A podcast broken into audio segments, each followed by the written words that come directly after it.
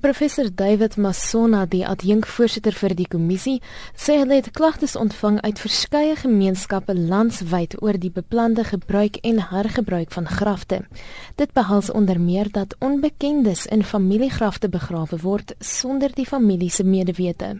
In some instances, if the grave has no headstone or tombstone, such graves are, are used to be emptied of the remains of those who are in it. Remains are put in plastic bags and to be buried in mounds.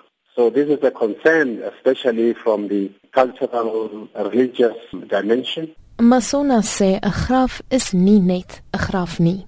It is a shrine where people go and to intercede with those who have gone before. It is a home. That's why whenever a grave is dark and the deceased person is buried, often when they give thanks to those who have done it, they will say, we thank you for having built this house. Hy beskryf dit as 'n plek van aanbidding.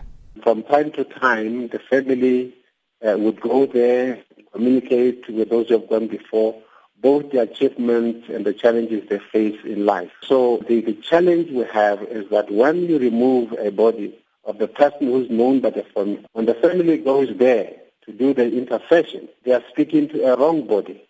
In verskeie kulture is die verskuiwing katastrofies. African tradition there is also an understanding that at some point you have to take the spirit of the deceased person from that grave back home. So there is a particular process of doing that. Now, in that particular instance, if the person who is there is not a member of the family, they'll be then inviting a wrong spiritual person to accompany them to their home. So the, the bad omens will then befall the family as a consequence. Hy sê dit is weens hierdie en ander geloofs-oortuigings dat dit vir die publiek onaanvaarbaar is wanneer 'n graf vir meer as een individu gebruik word. When a person dies, the understanding is that a person must rest in peace. You can't rest in peace when you are, you know, packaged like a sardine in one grave. So this disturbs the very cultural ethos, the cultural values, the belief systems of the people. Masona sê gemeenskappe moet bymekaar gebring word om oplossings te vind vir die probleme.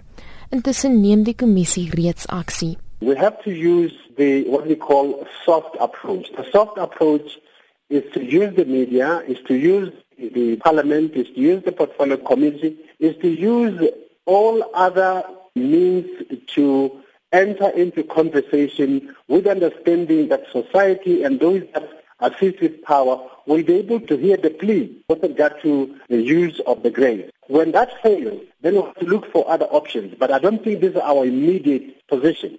Dit was professor David Masona, die adjunkvoorsitter vir die kommissie van die beskerming en bevordering van kulturele, geloofs- en linguistieke gemeenskappe.